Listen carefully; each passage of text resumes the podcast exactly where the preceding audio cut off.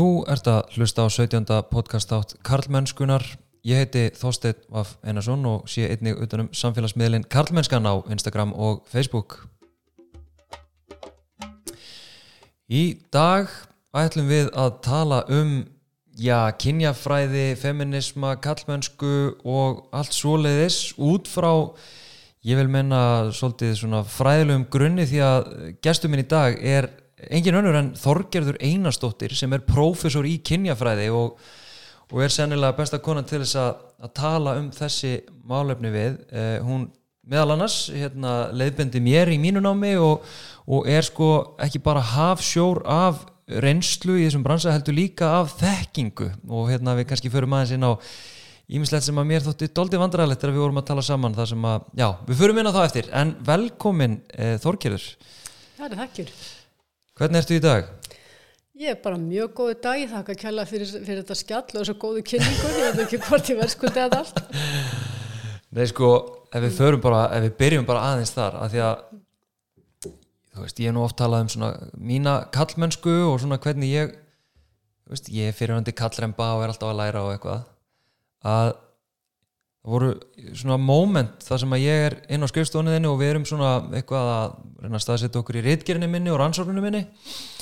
Og svo er ég stundum með einhverjum svona pælingar við þig, hvað segir um þetta hérna og er svona fabular fram og tilbaka og þú hlustar alltaf ótrúlega mikill aðtikli og já og svona eins og bara ég sé að uppgöta eitthvað glæn nýtt og ég man ekki sem hvort ég hafi sagt þér þetta en einhvern tíman vorum við að ræða eitthvað svona og, og ég svona, mér fannst eins og ég var að gera einhverja brjálaða tengingar og uppgöta eitthvað og þú eitthvað, já, já, bara endilega þetta vex, þetta vex fram, fram úr þeirra eitthvað svona, alltaf með svona einhver svona ótrúlega kveitandi orð. Og ég svona, já, já, ég mitt og svo fer ég eitthvað að hugsa áfram og svo er ég að lesa fleiri greinar. Og svo sé ég að það sem ég hafði verið að uppgöta þarna árið 2020-19 þá hafið þú skrifað sko greinar um þetta bara upp úr aldamótunum 2000 þú ert ekkert mjög mikið svona að, að hérna, komur að segja? Já, að flagga þekkingunniðinni Á, þetta er bráðfindi. Uh, sennilega hefur mér bara fundist þú koma með svona frumlegt sjónar á eitthvað sem ég hefði pælt áður ég, já, já, Já. ok já, já, en ég man að að alltaf halda hugmyndir áfram að þróast og gerjast með nýju fólki og nýjum kynsluðum. Já, já, einmitt og þú einmitt líka þú veist, að ég spurði sko líka um, að því að nú byrjaði ég að tala um kallmennsku bara í, þú veist, ég fór í fjölmiðla og útvarpið og eitthvað ég, áðurinn ég byrjaði raun í, í náminu sko hjá þér.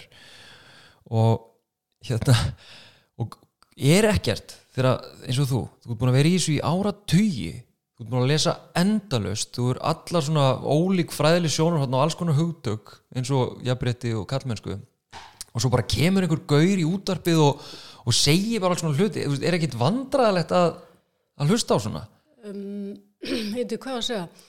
Uh, nei, ekki ef að það er gert á ákvæmni forsendum held ég. ok, Það er gert, sko, eh, ég veit ekki hvort, eh, þetta kannski hljóma klísulega að segja að það sé gert af ákveðinni auðmygt, kannski, eða með einhverju ákveðinni nálgun og efnið. En ég viðkenni það alveg, ég get orðið rosalega eh, svona vonlust þegar ég heyri kannski eh, hugmyndir eða svona orðræðu koma upp kannski þriðja sinn frá því ég byrjaði í þessu starfi fyrir 20 árum síðan.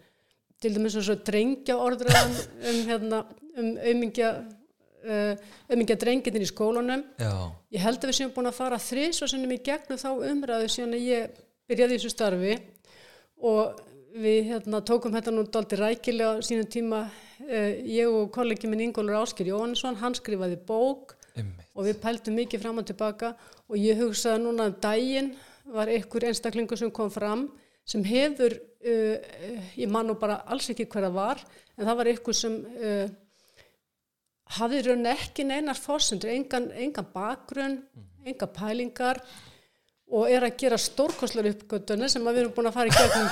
Og þá hugsaði ég bara, vá, á ég að fara að hætta þessu starfi. Ert að vísa í hérna hann kom með alls konar svona tölfræla staðrendir var Já. Ísland í dag, er það ekki? Já, Já, einmitt, Og þá hugsaði ég reyndar með mér hver er ábyrð fjölmiðilsins að kynna sér efnið? Einmitt. Af því það hefur gert sko fjöldin allur á rannsóknum. Og þessi, þetta er í þriðja sinn sem, sem ég bara man eftir í svipin sem að þessu umræði kemur upp. Já, en svo finnst mér þegar að kemur fram sko, hver kynslu held ég þarf líka veist, að fara í gegnum uh, sínar pælingar og sínar uppgötanir já, af því ég held að sé mjög vond að vera uh, svona fólk í minnistöðu og vera alltaf that. Já. þetta vorum við nú búin að afgreða hérna 2000 eða þetta og þetta. Já, það held ég sé mjög neikvæðan álgun já, já, og frekar líta það á það sagt að hérna, þegar fólk er að byrja að pæla að hérna, sem eitthvað nýtt að spretta upp ef að eins og ég segja gert á réttum forsendum. Já, já, en þessi var uh, þarna var fullirt bara frálslega og mjög mikið fannst mér. Og hefði ekki þurft svo mikið að, verð, að kanna málinn til að sjá að þetta var já, já. þetta er svona daldi þreytur málflýtningur Já, Já. einhvern veginn fyrir þig sem að ert í þessu og ég hérna, veist, ég mitt þykist vita að mörguleiti hérna á hverju þetta byggir, semst miskilningurinn ég mitt í þessari drengjaorðræðin, nú er kannski einhver að hlusta á um hvað er að tala um með drengjaorðræðin og líka fólki finnst sko þegar maður segir já, er einhvern veginn svona pínu að gaggrína þessa orðræðu, drengjaorðræðina eins og áhyggjur drengi í skólakerfinu og allt þetta. Að, að auðvitað er það áhyggjefni Mm. þú veist, að fólk svona heldur að, að maður sko sé þá alveg sama um hvað er í gangi í samfélaginu okkar. Þannig að ertu kannski aðeins til að, að hérna, að bara létt að fara í gegnum það. Uh, hvað er það sem að já, þú gaggrínir við þessa drengja orðræðu og, og eins og þetta er matrætt í fjölmjölum veist, þessar fyrirsagnir, drengir lesa sér ekki til gags, þú veist, allt þetta. Sko það sem hefur verið gaggrind uh, í fræðunum í þessu Mm.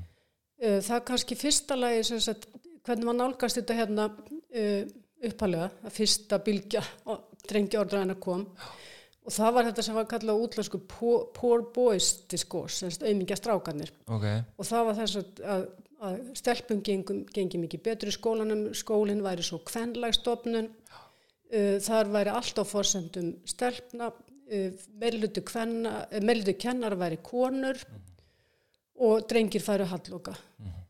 Og þetta er auðvitað alveg rétt, meðlutu, kennara er konur, en svo að fara að skoða nánar að þá er skólakerfi ekkert endilega kvenlagt. Það er ekki þar með sagt að, að skólakerfi sé kvenlegt og svo kom í ljós þarna í, í fyrstu rannsóknum að strákar fá 75% af allir aðtegli kennara, vísu bæði vondri og góðri. já, já, já Þú veist, þeir fá mesta skoðamála með þeir líka mesta hrósinu ok, og svo kemur í ljós, eh, tekur sem tölum með smá fyrir að vera 75-80% Já. en hafa gegnum gangandi eitthvað svona. Eh, Svo kemur líka í ljós að uh, strákum gengur ver í einhverjum greinum, alls ekki öllum. Það getur verið mismunum milli landsluta og svo að tala um að, að það væri svo vant fyrir stráka að hafa hvern kennara.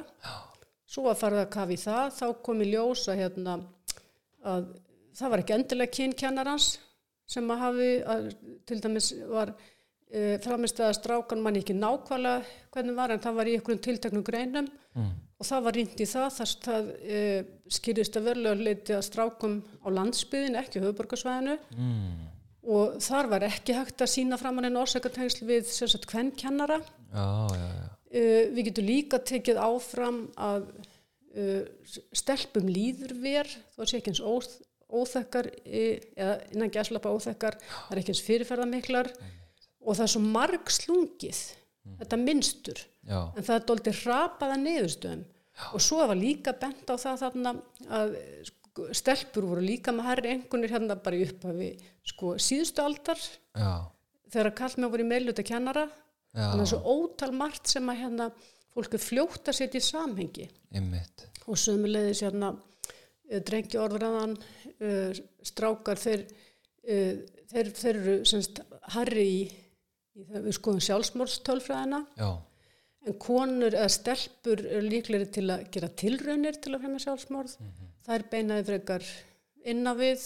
Það eru þeim líður ekkit endilega betur. Einmitt. Þannig að þetta er svo miklu, miklu flóknara. En álitað, er, samhengi sem þetta er sett í er þetta aldrei mikið og það var einn skýringin sem að var tekinn stelpur að taka yfir, jafnbreyttis bara þann hefur gengið á langt, við höfum glemt strákonum og ég man eitt skipti þegar við tókum þessa umræðu og þá var að tala um að strákanir hefur glemst Mhm.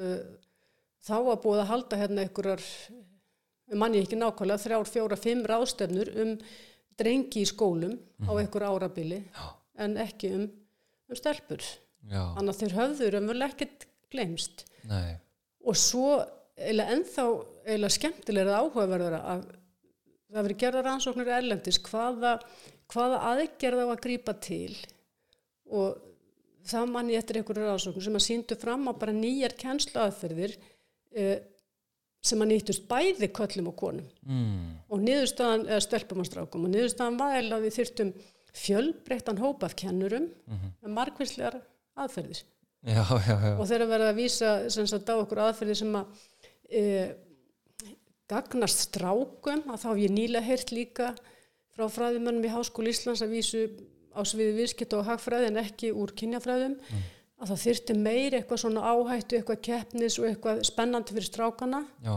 en út frá öllum okkar pælingum um, um kallmennsku mm. að þá myndu vel að þurfa, þurfa að þeirra öfugt. Já, vegna þess að við myndum þurfa kannski e, efni sem að hjálpaði strákum að klifra niður úr svona hörkulegum kallmennsku hugmyndum. einmitt og þetta þylur þú bara upp uh, blaðlöst mm. Þetta er með, þetta er með ferst í höfðinu. Já, Æ, það er alveg ótrúlegt. En hérna, einmitt, þannig að þú ert búin að afgræða svona pínu drengi orðræðina en sko þarna þegar þú segir að drengir þurfi eitthvað ákveðið þú er henni á þess að segja það þá ertu náttúrulega líka pínu að svona að gaggrina þessa eðlishyggju. Þú veist, við erum alltaf að ganga út frá því að, að strákar og stúlkur séu tvíhyggju par og í eðli sínu ólík. Já, uh, ég veit ekki hvort við erum að fara í, í hérna eðlisíkjuna í félagsmótuninni en hérna getur aðeins farið inn í það? Þú veist bara að tala aðeins um eð, þessa eðlisíkju já, það er þessar hugmyndur um að við höfum uh, sannsagt uh, litninga eða hormón eða eitthvað slíkt sem að stjórna okkur. Og það, það skiptir strákum og stelpum bara upp í tvo anstæðaflokka já, En við segjum stundum í kynjafræðinni að hérna, sko, það, er, auðvitað er meðatalsmunur og tökum kalla og konu. Núna náttúrulega erum við að tala um miklu fleiri kyn, ekki bara, ekki bara strák og stelpur og kalla og konur, heldur mörg kyn. Mhm. En ef við tökum bara strák og stelpur, kalla og konur, að þá eru þetta meðaltalsmunur. Kallar er að meðaltali hærri, eh, hávaksnari heldur en konur og þingri, en það er fullt af konum sem eru starri og, og, og, og þingri heldur en fullt af köllum.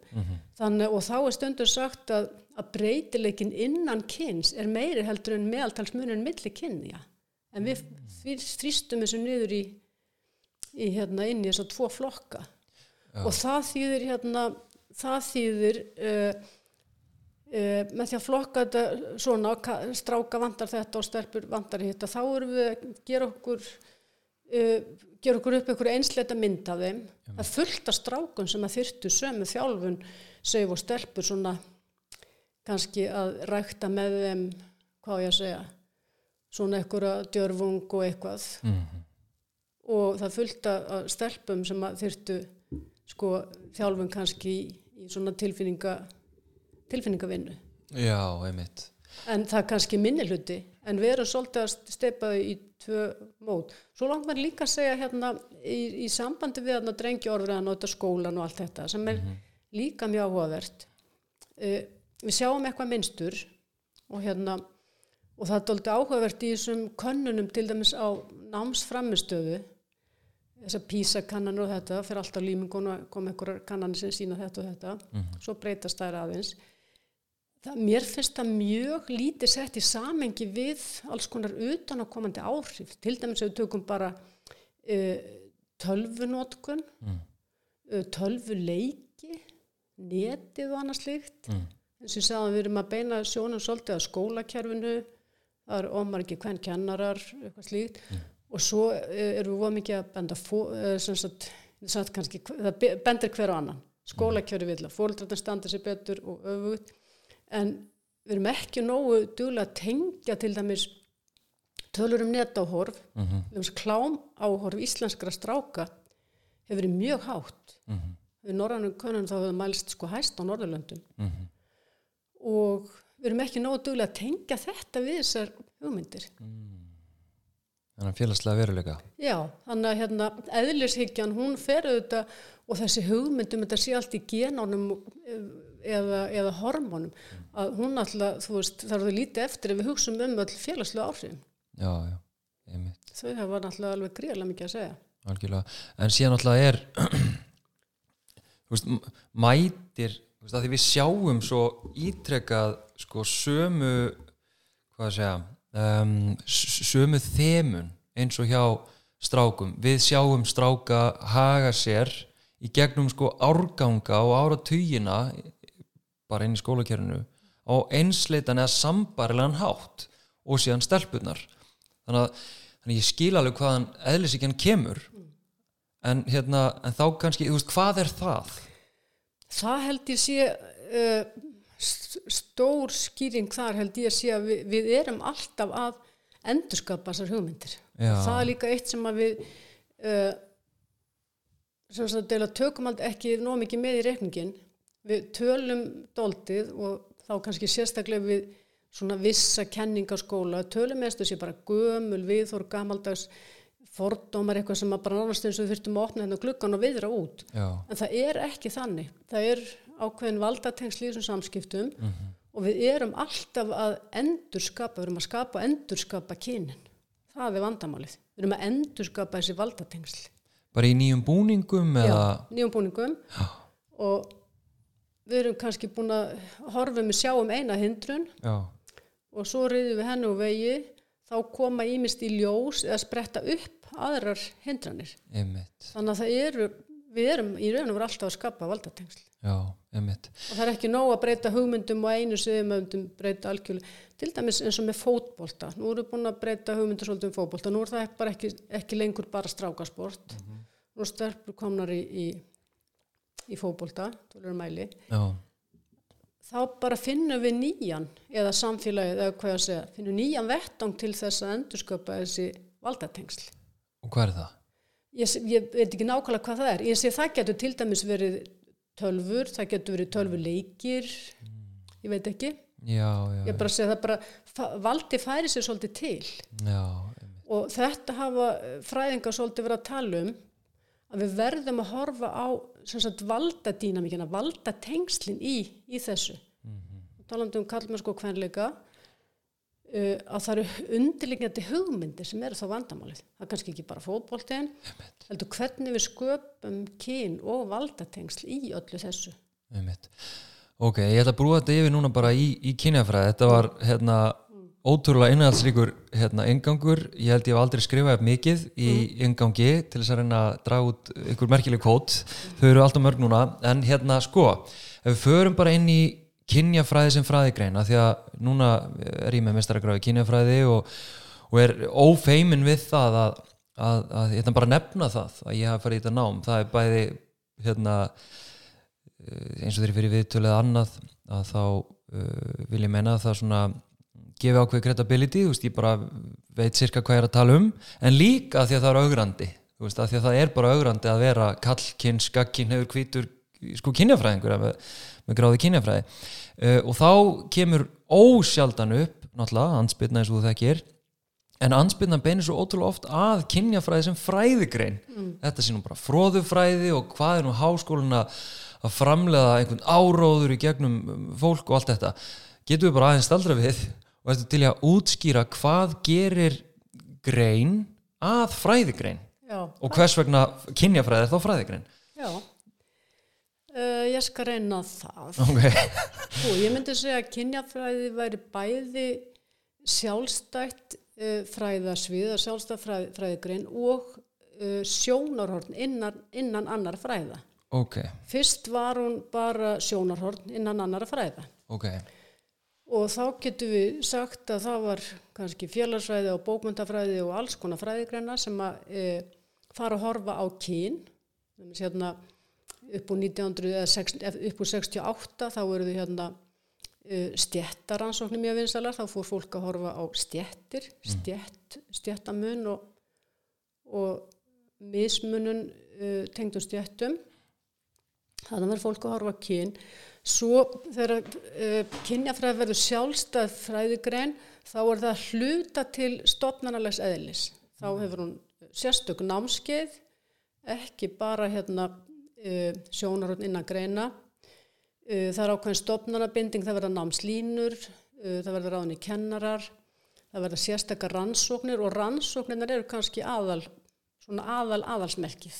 Ok. Við getum sagt sem svo, rannsóknir í fæinu og það fjölmörg fög sem hafa þróast á þannan hátt byrja sem e, sjónarhótt innan einhverja fræð og verða svo sérstakka fræðigrennar já, já, þannig að þetta er að einhver leiti er þetta stopnanalegt hugtak skilur við en svo getum við sagt líka að svona hórum inntak fræðana þá er það bæði uh, kenningarlegt, að fræðilegt og aðferðafræðilegt.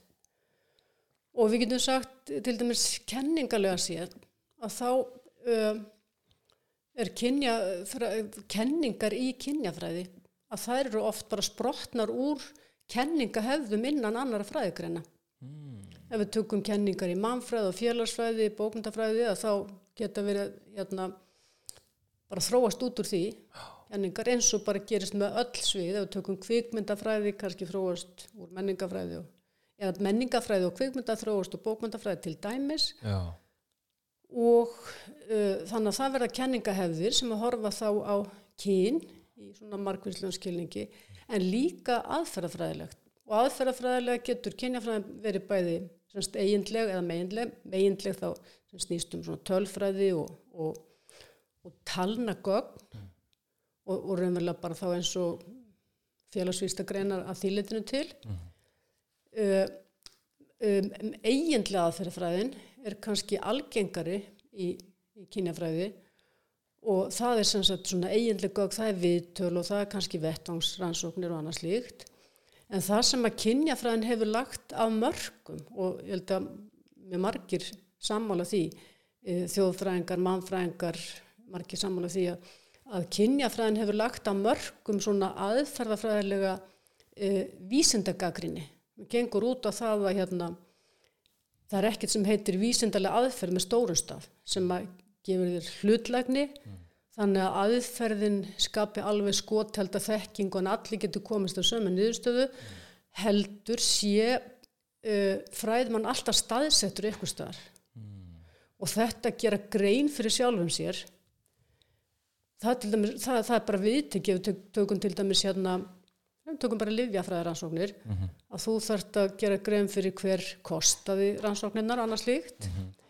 og þetta er, ég er ekki að segja að þetta sé sprottið úr hérna í, úr kynjafræðinni hvað var það hérna livjafræðina mm. en í félagsvístunum þá er þetta uh, ef ekki sprottið úr kynjafræðinu þá minnst að kosti þróa lang mest þar og þetta viðurkenna aðrir svona fræði, aðra róttaka fræðigreinar kynjaf þess að gera kynjafræðinga grein fyrir sér og það byggist á þeirri hugmynd að, að það sé í rauninni hæpið að tala um algjörlega hlutlæg eða hlutlu sem við segjum oft í dag og tala vísindi.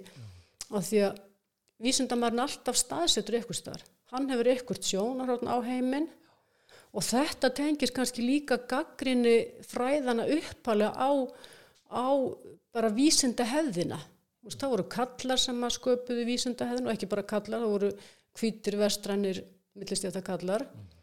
og það er bara margra margra alda umræða um það sem þetta hérna þeir sáu heiminn út frá sínum sjónarhóli mm -hmm. og það þurfti aðra semst uh, með jáðarsetningu til þess að koma auða á það og til að benda á það Já. og þannig að þetta hefur fyllt hérna uh, kynjafræðinni Já. og þar með er ég ekki að segja að róttæka greina eins og kynjafræðin og, og aðrar svona sístur grenar smætti alla þekkingunir í sjónarhorn það er alls ekki þannig mm. það er bara þú, þú setur aðeins spurningamerki við að sé hægt að finna einhvern algildan sannleik mm. e, og þá er eiginlega bara það sem ræður úrslitum bara hversu góð gögn ertu með, hversu samfærandi raugstöðning ertu með Já. þannig að, að þetta er myndi ég segja talsveit mikið framlag uh, kynjafræða, feminiska fræða mm. til aðferðafræði. Þú segir sko rótæk fræðigrein, ég er að velta fyrir mér, er það ég meina er ekki rétt muna hjá mér að, að, hérna, að kynjafræðin í rauninni sprettur upp úr sko grasrótinni, þú veist, upp úr einhvers konar svona aktivisma tengt hvernig þetta bara átt og feminisma eða hvað? Jú, það er náttúrulega búið að vera sko, hvað ég segja aldalöng barátt að kvenna fyrir, fyrir jafnbrytti Já, og svo svona upp úr 1970 að þá þú sagt, kannski aktivistar, aktivismin fer inn í háskólana og, og fræðimennska þá er svona kannski sk- að afla sér þekkingar og skapa þekkingu skipulega. Já, já, safna gögnum og gera það í einhverju fræðilegu samhengi. Þannig að og það er má kannski líka segja með hérna með því að tala um stjættaransóknir á hann það voru mjög algengar í félagsvísundunum það kemur svolítið upp úr 68 það var svona enduníun í, í rannsóknum á stjættskiptingur og marxísk fræði mjög vinsæl. Og tengslinn við aktivism að þau spretta svolítið af þessu að það eru hópar sem að upplifa sig jaðarsetta. Og svo kannski getur við aðeins þá komið inn á þetta að, að kynjafræðin sé pólitísk grein. Já. Uh, þú fær vantalega ofta að heyra það ekki? Jú, jú, jú, Já. politískur áráður já, pólitískur áróður. Já, og það má kannski segja að það uh, er til einhver ópólitísk grein ef við segjum að hérna allar greinar hafa eitthvað sjónar segjum til dæmis félagsfræðin eins og hún var hérna kannski 1940-50 þar sem hún horfiði á heiminn frá sjónarhóli hefðarinnar frá sjónarhóli kalla uh, setta ekki spurningamerki við kynjaskiptingu á heimilinu. Uh, er það þá algjörlega ópoltist var það ekki sem sagt að, að taka afstöðu og greið atkvæði með hefðinni. Já, já, já. og svo getum við sagt sem sagt ef við bara hoppum þá tökum dæmi um, um föllunafræði að segjum að föllunafræði væri sko algjörlega hlutlaus innan gerðsalapa hlutleg, teki ekki afstuð þá væri kannski bara verið að skoða hvernig hinn ímsu kerfi virka og hvar uh, fallaðir uh, stæðu höllum fæti og væri mismunað en enga tilhug til úrbóta og allt í fínu með það. Já, já, já. segjum til dæmis kynjafræði, segjum að við verum að skoða hérna segjum að við verum að skoða kynbundu ofbeldi eða sem sagt ofbeldi og fyndum að það veri kynbundu okkur hátt og það veri engin afstæða og engin, engin svona frelsunar segja, breytingar krafa í því. Já, og þá getur alveg verið að kenna ofbeldismönnum hvernig ég fara að því til dæmis. Og sem, ég, ég held nú fram að það séu svona breytingar þáttur í bara gríðarlega mörgum fræðigrunum ég til þessum dæmi af ofnbæri stjórnsýslu, við erum að kenna það í stjórnmálverðdeild já, akkur eru við að kenna ofnbæra stjórnsýslu? Af því við viljum bætana.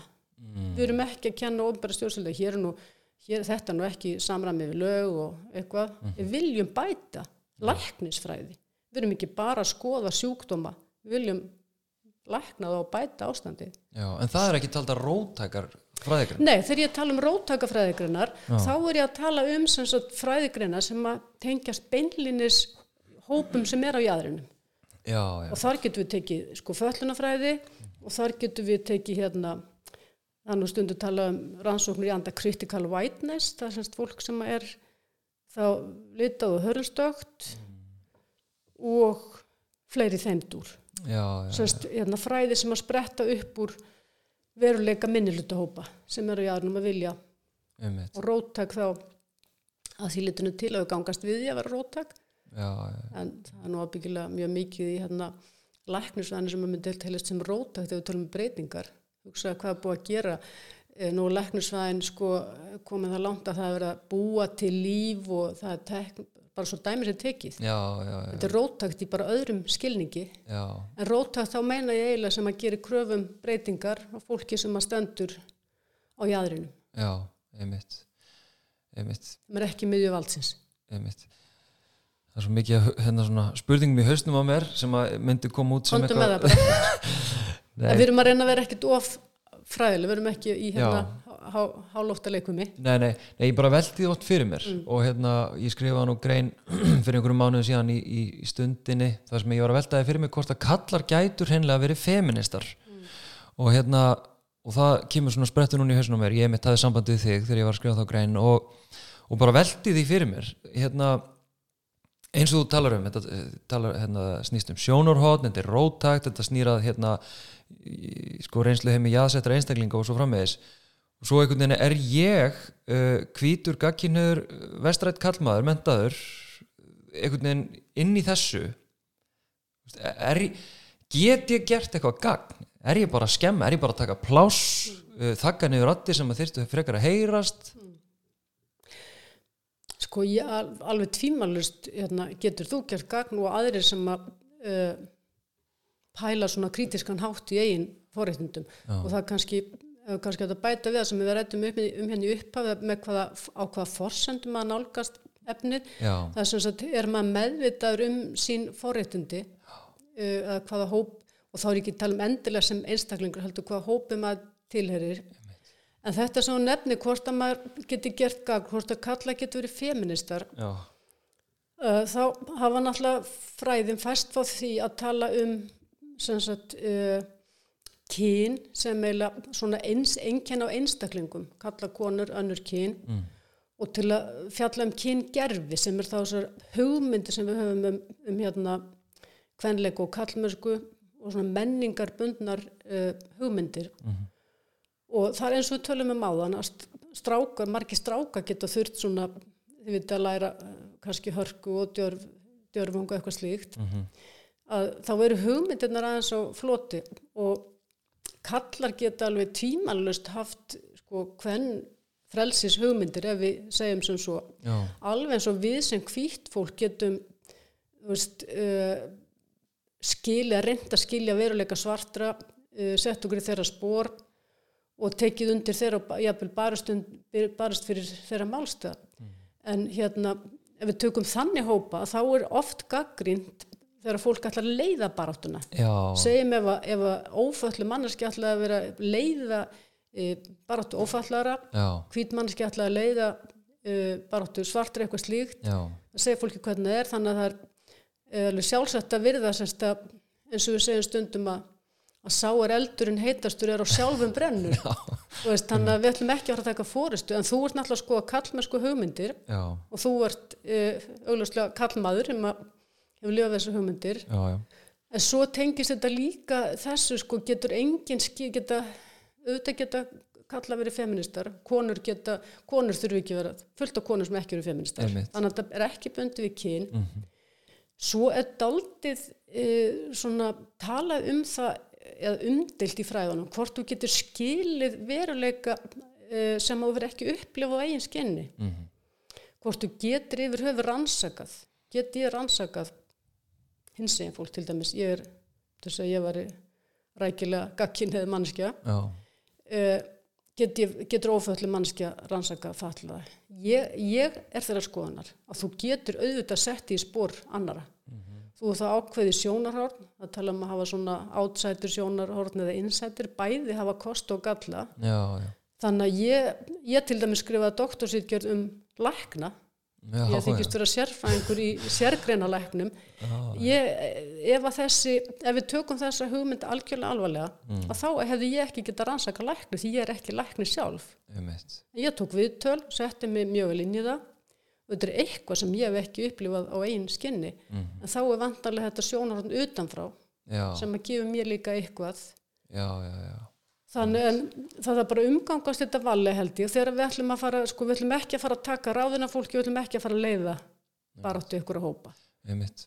Og ég er náttúrulega líka mann þegar við áttum samtal þegar ég var að reyna að vinna mína rannsókn og ég var að skoða hasta kallmennskan frásagninnar aðna á Twitter og á einum tímapunkti þá kemur tíð með pælingu bara eftir að hafa lesið eins og svona sko ég er ekkit vissum að þessar, þessar sögur þessi, að þetta var rauninni megin hérna, sem sagt, það sem þessi herferð var eða þessar frásagnir þe- þetta var rauninni við þessum ráðandi kallmennsku hugmyndum sem að hafðu litað líf þessara kalla sem voru að tala. Uh, og það var svona frekar augljóst sko. en ég var samt á einhverjum tjómút að veltaði fyrir mig hvort þetta væri nokkuð feminist hvort þetta væri bara jafnvel einhvers konar karlréttinda dæmi, mannst eftir þessu þessum, Já, og, og þú svona já, ég, býtu, er, er þetta ekki róta gaggrinni á, eitthvað svona á, er það ekki bara feminist mm. og ég er svona hmm, þetta er svona eitt af þessum litlu momentum og litlu setningu sem að bara svona tsk, algjörlega snéru snéru fókusnum mínum. Mm. að ég var einhvern veginn tindur í ég mitt svona, ég veit ekki hvað maður að kalla einhverja svona af, byggða nálgun á feminisma eða, eða eitthvað. Aðbyggja, já, mennaru, já. Ég, veist, ég var bara ekki að tengja almennilega að þetta, var, þetta voru einhliða frásagnir frá körlum um sinn veruleika.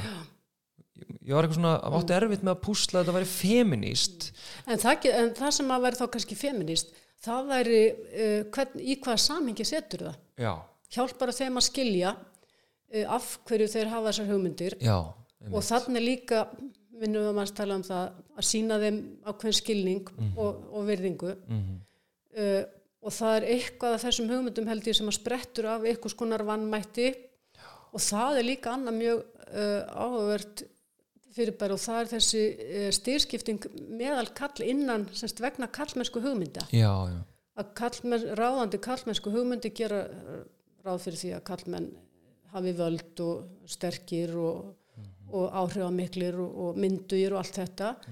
Og svona ráðandi myndin af valdakallinum, hún er þannig að það get ekki allir kalla lifað upp til þeirrar hugmyndar. Það er ekki allir þannig, en þeir lifa svolítið í skugganum af henni. Já, og það er sko í, í kalla, svona kritiskum kallafræðum að þá er það alveg sko stórt viðfansefni hvernig hérna, aðbyggjum við þær hugmyndir og það er það sem er átt við með því að sko kallarnir þeir lí- líða líka fyrir kynjakerfið. Algjörlega. Af því að þeir sem sagt lifa alltaf í skugga þá einhverjar ofur hugmynda um kalla og kallmennsku. Já, já, tökum til þess bara útrásina.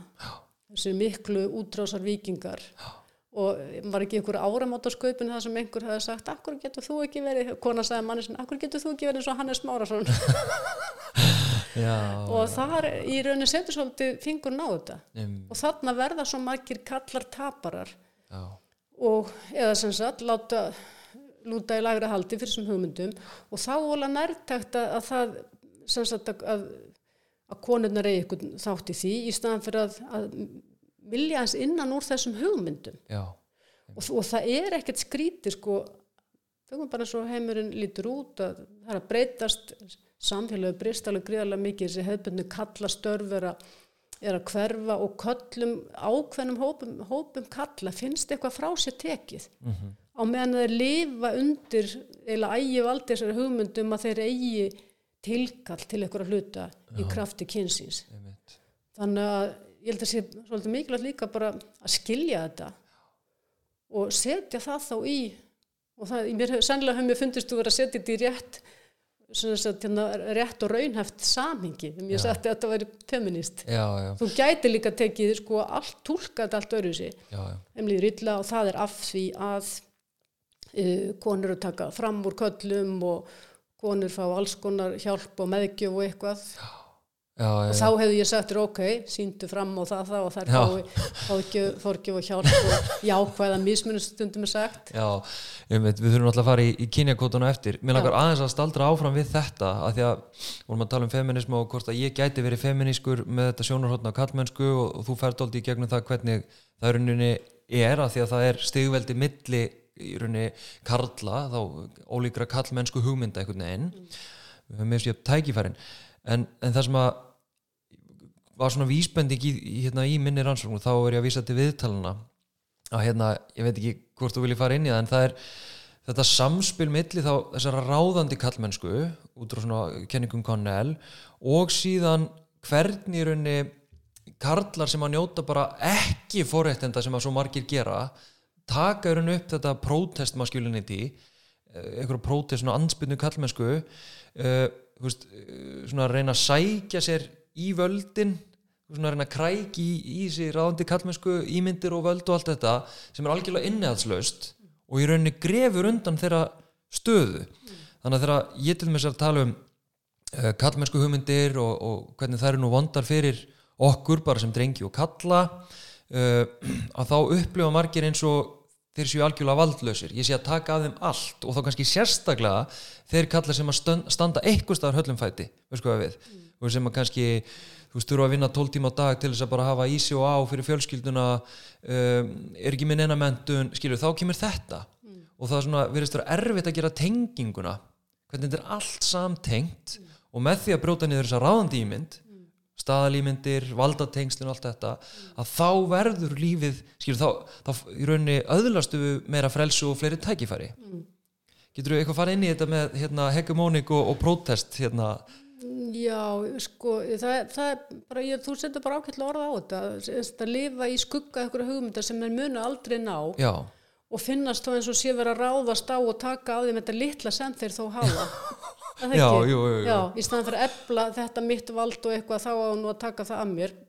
algjörlega. En þá kannski komum við að kerfinu líka bara sem slíku. Okkur langan vinnutíma, stýtting vinnutíma sem myndi á líka gagnast köllum, Já, já, og uh, til dæmis bara uh, segjum bara hérna, aukin launajafnur milli, milli kynja. Já, hann myndi til dæmis uh, hjálpa köllum úr þessari hérna, uh, þessari framfæslu þessu framfæslu hlutverki sem er byrði myndi gefa þeim betri tengslu börni sín en að sjá það sem eitthvað gildi að það er kannski hangi líka sama við það. Mm, Þú veist, að, og ef þú ert með þar hugmyndir að konur er að sjá um börnin og svona kallin með að vera fyrirvinna já, að þá sérðu kannski ekki gildið í því. Nei, nei, en það er mjög aðteglisvert að ég teki, ég var að gera doktorsrýtkjana mína, tók ég hérna viðtölu fullt af eldri læknum. Mm. hátsettum búin að ná mjög langt í lífun og annars líkt og þeir voru margir að vinna styttingu vinnutíma fyrir ungu læknana. Og svo ef ég séttir einhverju að þá voru það ekki haft meiri tíma með fjölskyldunni. Og ég ætla ekki að láta það koma fyrir þessu ungu. Já, ok. Já, þetta var mjög algengt. Ok, sáu sem sagt lífið í öðru ljósi að missa börnunum sínum voru kannski að bæta sér um með barnabörnin. Þannig að þetta er volið erfitt að segja við fólk hér og nú að þið finnst að sé verið að taka eitthvað af þér og það sé ykkur hópur sem að sé að sölsundir sé ykkur sem að þú er rétt með tilkall til að segja, já, býtu bara andur úr sjötur, þá sér þetta, þú veist, það er ekki hægt. en það er svona dálítið kerfi sem við tökum sem gefið og, og hvað gefur okkur gildi af að hálaun og vinna ykkur vel metna vinnu. Þannig að við erum, þetta sem ég var að menna á, við erum alltaf að endurskapa þessi valdatengsl. Já, einmitt. Að hún nefnir sko ólíkar kynnslóðir og þá er það nú eitt af því sem að sko ég get tekið undir en líka sett mig hérna stórt spurningamerki við og ekki bara ég persónulega, það er bara því að það hérna rannsóknir sína það að við tölum oft um að já þetta verður nú alltaf betra með yngri kynnslóðinni svona eins og, eins og kynnslóðin bara í, í sjálfu sér leiði með sér jákvæðar breytingar hérna aðeins koma inn í þetta Það er nefnilega ekki endilega rétt, sko. Þetta er ekki bara kynnslóða og það er til þess áhört með kynjakvótana, að andstaða við kynjakvótana, hún er ekki endilega mest hjá elstu köllunum. mm. hún er mest hérna, hún er meiri hjá yngri köllunum og það virðist vera semst að þeim eh, við erum hefum kannski verið að lifa í einhverju harneskjulegra umhverju hvað varðar umræðina, það getur verið en það er dálítið þannig að yngstu hópanir og kannski er það kallarnir sem er að berjast við það að komast á toppinu í góða stöður Já, og eru þá hættur um að sé tekið frá þeim eitthvað sem þeim finnst þeirra tilkall til. Einmitt. Og það segir okkur líka að þetta er ekki bara tímaspörsmál það við erum að, við erum að framlega eitthvað, búa til eitthvað andrúsloft, endurskapa eitthvað hugmyndir og ég heldur bara ekkert alltaf meðvituð um hver þar, þar eru. nei Að það svona er að sveimi í, í hérna, einhver andi, einhver svona þjófélags andi, einhver menningar andi og, og hann svo byrtist í, í, í svona hugmyndum sem að, sem að viðhalda kynjamun, halda tengslu. Mér finnst einmitt ansbyrnan hérna, ég man ekki alveg hver var með það að að ansbyrnan kunni að, að verða svona uh, grímukendari eða þú veist, það var svona grímulausari ansbyrna við kannski jafnbrytti hjá, ef maður allar að einfalda þetta og staðsetja þetta einhvern veginn hjá eldri kynsluðinni það er svona, þú veist, við þekkjum ansbyrnuna í þeirra orðfæri á meðan að svona kannski tengist á postfeminisma eða einhverju að, að ansbyrna verður svona fingjarðari og dulinni. Það verður erfiðar að koma auga á ansbyrnuna mm.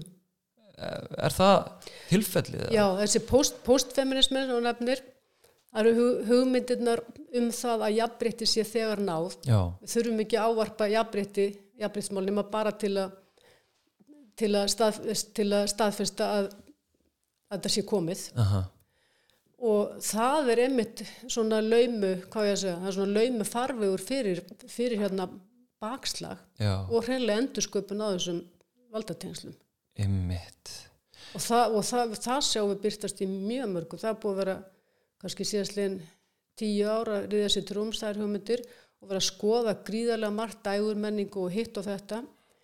Og það er dálítið mikið, veist, unga smart valdakonan sem að mála sig og er töff og eitthvað. E, þurfum ekki að ávarpa það af vegna þess að jafnbreyttu komið. Já, þannig að það er e, margt af því er nýbyrtingarmynd á e, bara á misrétti og, og svo þetta sko að það er allt undir einstaklinginu komið. Jafnbreytti komið, nú er það bara einstaklingunum sem þarf að nýta sér réttindin. Einmitt, sko þú brúar þetta bara sjálf. Ég, hérna, ég myndi allt í einu við verðum eiginlega að fara aðeins inn í það. Það er hérna með einmitt þetta, með nýfrjálsíkjuna sem að svo sem er ekkert ný þannig hún er búin að vera einhver, einhver áratugir það ekki, þessi nýfrjálsíkja og kapitalismin getur einhvern veginn ávarpa hvað, hvernig tengist það til dæmis jafnbrettsmálum kapitalismi og nýfrjálsíkjan Já, við tökum bara nýfrálsíkjuna og þá er það svona hugmyndaströymur sem að gerir raunni ráð fyrir því að þú veist, gerir ráð fyrir frelsi einstaklingsins og allir hafi e, í raunni bara forsendu til að velja það sem það sýnist. Mm -hmm. Þannig jafnbreytti sé, það er til orðað núna, jafnbreytti sé náð og það sem sé eftir af kynja mun eða minstri að það sé raunni bara það sem fólk velur. Nú er komið hérna, nú er komið allt, það er komið uh, atvinnutæki fyrir konur, það er til uh, skóla, kerfi uh, dagvistun fyrir börnin og annað slíkt. Þannig að sjáum við eitthvað kynjamistur, þá er það því að konur hafa valið það. Já, já, já, og, og í rauninni sjá ekkert minnstur sem, sem misrétti. Einmitt. Og þá er í rauninni verið dálítið stutt í eðlishyggju. Mm þú veist, af hverju ættu ef að þú gerir ekki ráð fyrir nefnið samfélagsleiri mótun eða, eða skólun, þú veist, er, er þetta ekki bara mismunandi eðli, þetta, þetta minnstur sem við sjáum. Já, En og hvernig flækist kapitalismin inn í þetta? kapitalism, þetta var eiginlega, þetta segja svo margt um, um það. að ég var að lesa, ég var að byrja að lesa núna hérna uh, feminismi fyrir 99% hérna, ég man ekki hvort hún gefið nú 2018-19 eða eitthvað Mm. það er aldrei verið að segja sko að ef að feminismin er ekki sósílískur Mm. þá er það ekki feminismi, þá er það bara feminismi fyrir 1% Mm. Þa, þetta hangir svolítið sama við hugmyndir sem voru hérna fyrir einhverjum áratumum, það var að tala um borgarlegan feminisma mm. eða hægri sinnaðan eða, eða róttakan feminisma og, og sósíalískan já, borgarlegi feminismin er frálslinda, hann vildi þá uh, jafnbretti á forsendum já, róttæki feminismin hann horfið svolítið á kynverund Mm. man, manneskjörn sem kynveru og sósíalíski feminismin sagði einmitt þetta sko að hérna uh, það var eins og það hétt þá kvennakúun og, og stjættakúun eru samofin. Já, og það er auðvitað þannig eins og tökum til dæmis eblingu núna mm -hmm. baráttu þeirra þar sjáum við hvernig að tvinna saman sagt, uh, staðalálina hvenna mhm, og, og hérna staða á hvað var að segja, feminisk sjónami mhm, og það er auðvitað þannig að í lægstu laununum lægstu launaflokkunum og, verst launu störfunum eru konur þannig að þetta fléttast saman. Og, og vinstri sinnaðir sósíalista myndu þá segja að ef þú breytir ekki kerfinu að þá ertu bara að fá jafnrétti að tækifæri fyrir einhvern vel stæðan hluta af konum. Já, já, þannig að þannig hangir það saman. Einmitt. og það eru til eh, feministar, akademiskir feministar kynjafræðingar sem, að- sem að halda þessu mjög markvist fram að hérna feminism, í feminisma felst að afbyggja öll valdatengsl. Já, eða minnst að kosti rýna krítist í þau og reyna móla innan úr þeim. Bæði milli kynja milli e, heimsluta þróunarlanda og vestarnarlanda e, líka milli mannskeppnunar og dýraríkisins. Já. og þetta tengist og ég myndi segja að þetta væri já þetta er svona uh, feministin sem að tengir uh, þessi mál við bara okkar tilveru í heiminum. Umhverfisvend uh, og kapitalismin tengist á hérna ránirkja á náttúruauðlindum umhverfismengun. Og við verðum að búa til kerfi sem að gera ráð fyrir öllum. Já, þetta myndi ég að segja væri en svo getum við líka sagt sko að að það útilokar ekki svona sjónar ég er aldrei hrifin að þessum. Ég finnst mjög mikilvægt að feminismin og kynjafræðin horfi á umhverfismálinn í víðu samhengi mm -hmm. uh, náttúruauðlindir og allt þetta. Mm -hmm. og ég, mér er gænt að setja kynja sjónar með það en í mínum huga þá útilokar það ekki að við vinnum til dæmis í sömu andrá af því að fjölga konum í stjórnum fyrirtækja. Já, já. en mér finnst það ekki nóg. Talandi um kynjakvota það er gríðarlega gott að fá kyn, sagt, fleiri konur kvótera inn e, konur e, og þá sannlega kalla sem það á við. Mm. en það er ekki nóg í mínum huga það er eiginlega líka, það er upp af en ekki endir, Já. upp af því að komast að frekari breytingaferðlum og þá komum við aftur þessu sem við nefndum áðan að kynið eitt og sér er ekki nóg, það er líka hugsanagangur og allt það Já, já, já Einmitt. Þannig að þú vilt ekki afgreiða hérna uh, hvað maður að segja forriðinda feminismann uh, sko að því í þessum uppáðsblasum í þessari bók sem ég var að vísa til hérna þú veist þá skinnjaði ég sko gaggrinni á hérna svona framakonur mm. þú veist félagkvæni í atvinnulífinu og, mm. og ungar atomnarkonur og eitthvað svona mm. svona eins og það væri bara feminismi fyrir 1% sem að mætti bara missa sín veist, ég skildi að pínu þannig, þú, þú ert ekki þar Nei, mér finnst þessi 1% mér finnst þessi, þessi tegunda feminismu við þurfum bara við samræðu við hann hvernig geta konar sem komast til valda Já. og þá sagt, framsæknu menn uh, kallmenn, hvernig getur þetta fólk stuðla breytingum, ef við tökum þess kynjakóta, mm -hmm. mjög gott að fá fleiri konur í stjórnifyrirtækja mm -hmm. en ég myndi vilja sjá frekari breytingar. Hvað breytingar hefur þau fyrir með sér? Er fyrirtækjunum stjórnaða manneskjulegri hátt? Mm -hmm. og þar eru alls konar rannsóknir. Uppalega vonu kynjakótanir í fyrirtækjunum setti því að menn heldu að sem styrði betri allsemi eða voru með þau rauk en það væri bara eitt í mínum huga en ég myndi vilja sjá breytingar í rekstri fyrirtækjana. Þannig að þetta 1% af konum, ef við segjum að það sé fórreitnda feminismi, það er gætu notað sín völd til góðs í þáu, í þáu allra hinna. Skilur við? Já, já, einmitt. Þannig að mér finnst að ég myndi alls ekki sópa hann út af borðinu að við þurfum að vera í svona gaggrinni samræðu við hann. Já, einmitt. Ertu til að fara bara því þú nefndir það með kynjakvota því að nú, hérna, já, fór ég viðtalum daginn og, og hérna, var svona að gera tilum til þess að niðurlaga mig eh, á, á spurningu um kynjakvota sem að þáttarstjóðandi þrá spurði mig um þráttur að ég reyndi að segja að já, samtala okkar væri kannski ekki á þessu leveli en hérna ef við fáum þannig bara reynd hérna í eitt skipti fröll hvað er kynjakvoti? Eða ég ætla, ég ætla að orða spurninguna alveg eins og hún var orðið fyrir mig mm. eh, Sá sem er á móti kynjakvotum er hann Karlremba Um, ekkert endilega, en ég myndi segja hérna, það er ekkert endilega að vera uh, karlremba, en ég myndi segja að kynjakvoti væri þegar þú ákveður að taka frá viss uh, sæti eða vissan fjölda fyrir einhvern hóp, til dæmis uh, ákveðinu kyni. Og sá hópur keppir þá ekki við fólk úr hinnum hópnum heldur bara sín megin.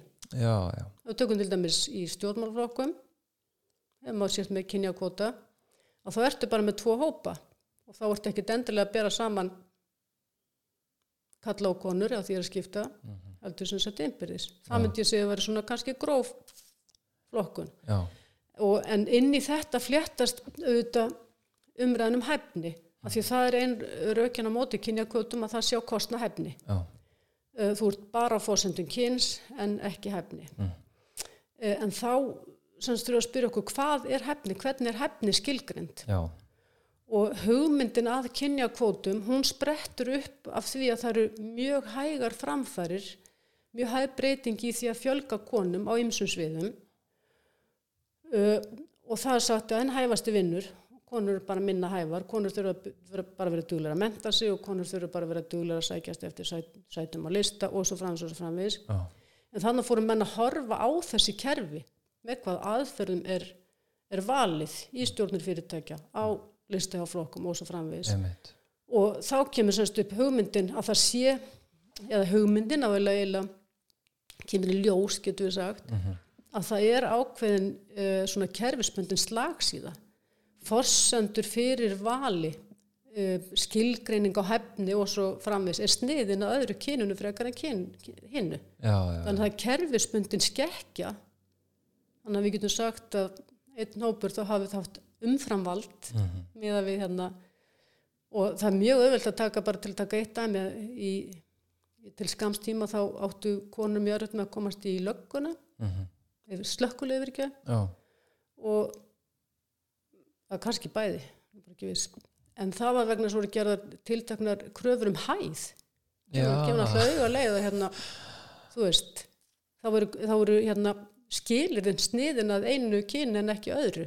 Já, já, já. þannig það er slökkulið svo kemur ljós að hérna líkanvett þrek og annars líkt og það miðast á kannski við ítrustu kröfur í starfinu. Það er ekki allir slökkulismin sem farin í brennandi hús og þurfa að hafa e, tiltekna, tiltekið þrek og líkanlega styrkleika því það er bara lítill hluti í því. Skilur við, þannig að e, þetta verða svona útilokanar mekanismar. En megin hugmyndin er þessi að, að kerfi sér réttlátt og skilvirt og þess vegna þurfum við ekki að breyta því. En svo er sínt fram á að, að hefnis skilgrinningan það er, það er henda, það er sniðnar að einum hópi. Já, körlum. Já, einmitt, hérna sko bara svona aðeins að lokum að því að við erum nú búin að tala saman núna í tæpan klukkutíma og mér finnst það að líða svo hratt sko. En uh, já, mér langar aðeins kannski svona hvernig lítur þú á hverjar eru stærstu áskoranir uh, já, ég var að segja hér og kannski víðar uh, í jafnbreytsmálum hverjar eru svona okkar stærstu áskoranir framöndan mjög erfitt að segja hvað er stærstu áskorunar mér er náttúrulega svona í stóra samingina þá eru þetta bara úst, umhverfismálin finnst mér alveg rosalega. Og þar er þetta kynjavitt það er það. Hver, hvernig þá?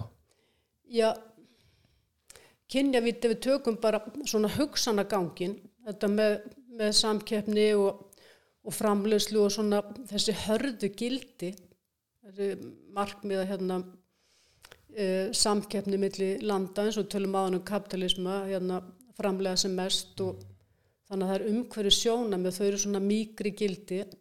Og komin út í þetta með kallmennsku og kvenleika og hvað er tengt við við kvenleika og, kallmennsku en svo ef við tökum aðeins þrengra sjónar þá myndi ég halda sko að, að, að kynbundu ofbeldi það er alveg gríðarlega mikilvægt að taka því núna ég segja svo hitt er svona við erum alltaf að takast á við hitt sem sagt uh, sem sagt völdin og jafna hlutvöld þar og, og annars líkt. Ég, ég á svolítið erfitt með að gera upp á milli því mér, mér, sti- í mínum huga er þetta svolítið stóru máli sem skipta mestu máli Já.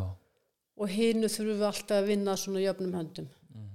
En það er svo líka, bara sem ég hugsa reglulega að þú veist eins og talar um umhverfismálin og kembutu ofbeldi og hérna ójöfntækifæri og allt þetta að þetta er svo mikið svona, já auðvitað, ef við ekki að ef við ekki að taka á þessu, ef við ekki að breyta þessu, þetta er náttúrulega, þetta er ekki hægt einhvern veginn, en það er samt ansbyrna og það er alltaf ansbyrna bara í gegnum söguna við, við, við allt sem að er unni, eins og mannréttindabartur það er ansbyrna við mannréttindabartur það er ansbyrna við Black Lives Matter í hva, ég bara, ég næði ekki. Getur þú útskýrt þessa ansbyrni Uh, ég get nú ekki, já nú ekki alls svari við því. En ég myndi halda sko, ég myndi halda að uh, nú er ég bara að hugsa út af höfðun á mér. Sko sumt af þessu er bara sko hagræðn veruleiki, það er efnaðslegir hagsmunir sem að stjórna ykkurju og þeir eru mjög þungir þarna undir niðri. Og svo eru hugmyndir sem að spretta upp af þeim og það er ekki tilviljun sagt uh, að ákveðnir svona efnarslegir hagsmunir róa undir ákveðin sjónamið þannig ég held að það sé samtvinna því að þú talar um hérna, kapitalisma áðan. Mhm. uh, þannig ég held að bara sumir sjáu sér haga því að róa og kynna undir ákveðnar hugmyndir.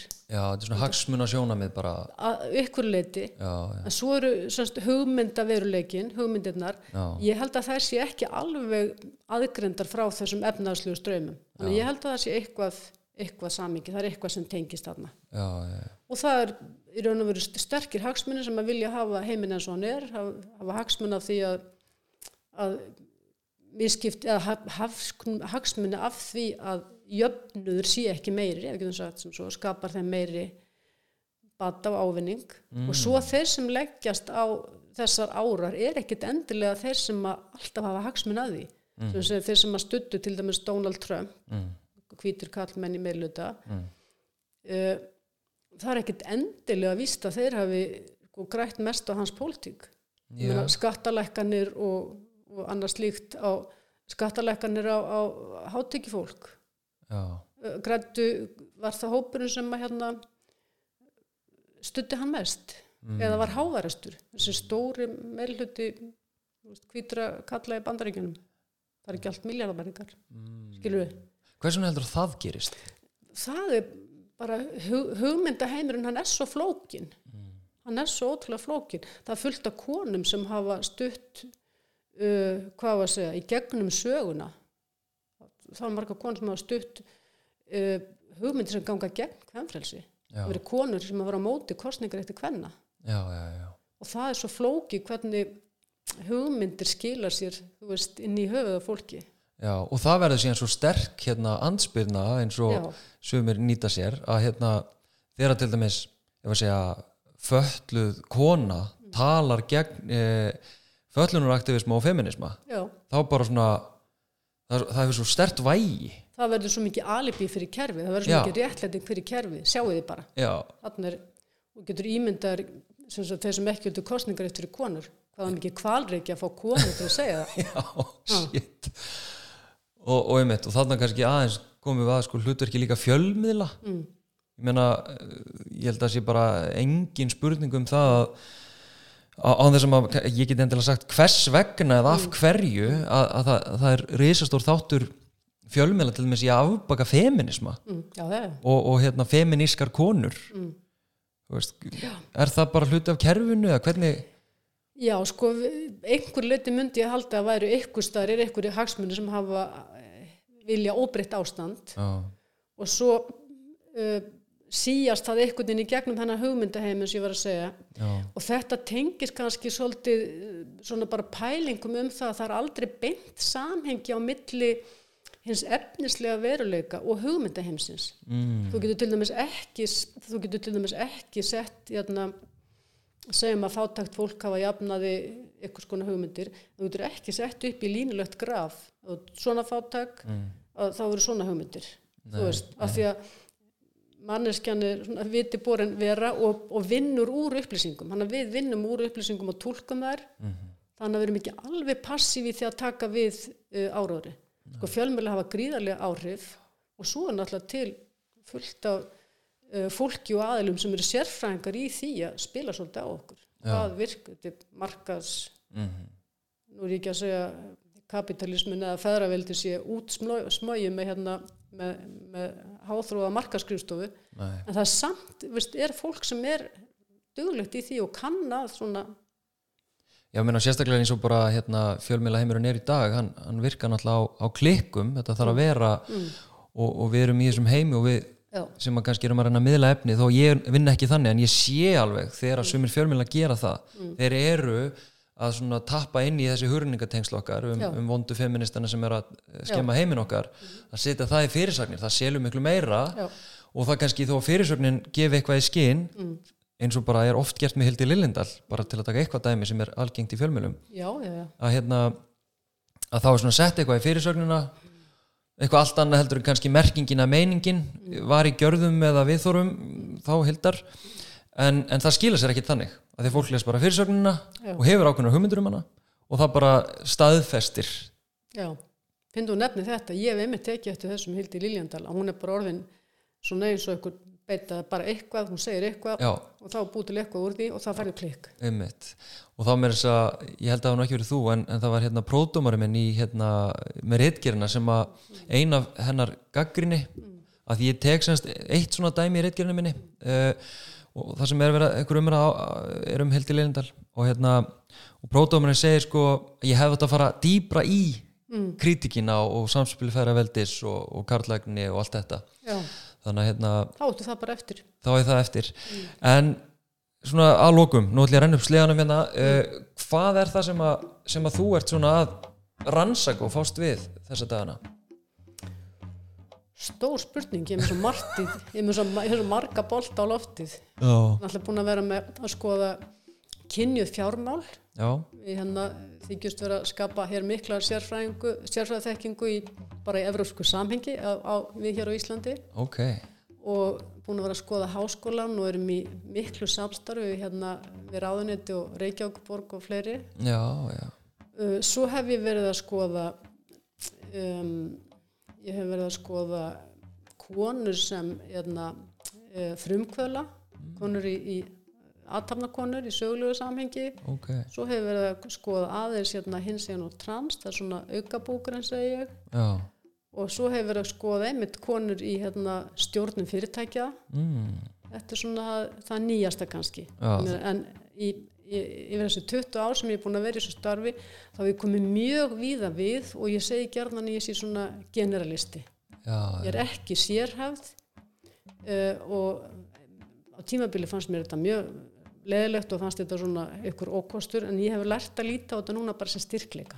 já, Að ég er þá kannski með yfirsýn í staðin og getur tengt á milli. já, Þannig að ég er svona í mörgu og hín á þessu. já ég meina þú hefur talað um veist bara besta svona aðgengilasta greinin um til dæmis kynjakerfi er þýðing frá þér frá 2004 eða grein frá þér frá 2004 að 6 svo hefur talað eða skrifa og rannsaka mikið um kallmennsku líka Já.